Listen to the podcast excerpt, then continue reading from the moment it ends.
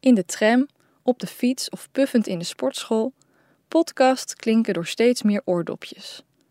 En daarom organiseerde VPRO Dorst een podcastworkshop. Ervaren radiomakers die deelden hun kennis met startende verhalenvertellers. En een van die verhalenvertellers was Pascal. Hij maakte onder grote tijdsdruk en met weinig middelen deze zoete podcastminuut. Oude snoepert. Uh, nou, ze, wil, ze wil elke keer uh, even door, aan mijn haar voelen.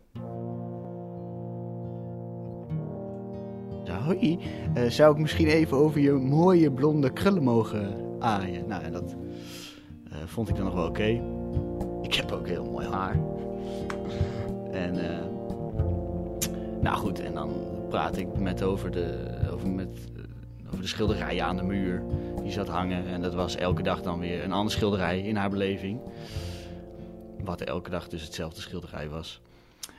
En vervolgens legde ik er in bed en dan had ik het toegedekt. En uh, zei, nou, mag ik nog een nachtzoentje?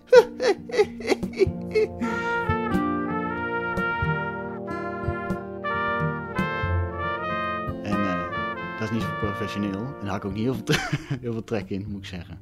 Dus dat, uh, dat deden we dan maar niet. Maar er zijn zo, nou ja, je hebt, je hebt mannelijke oude snoeperts, maar je hebt ook vrouwelijke oude snoeperts.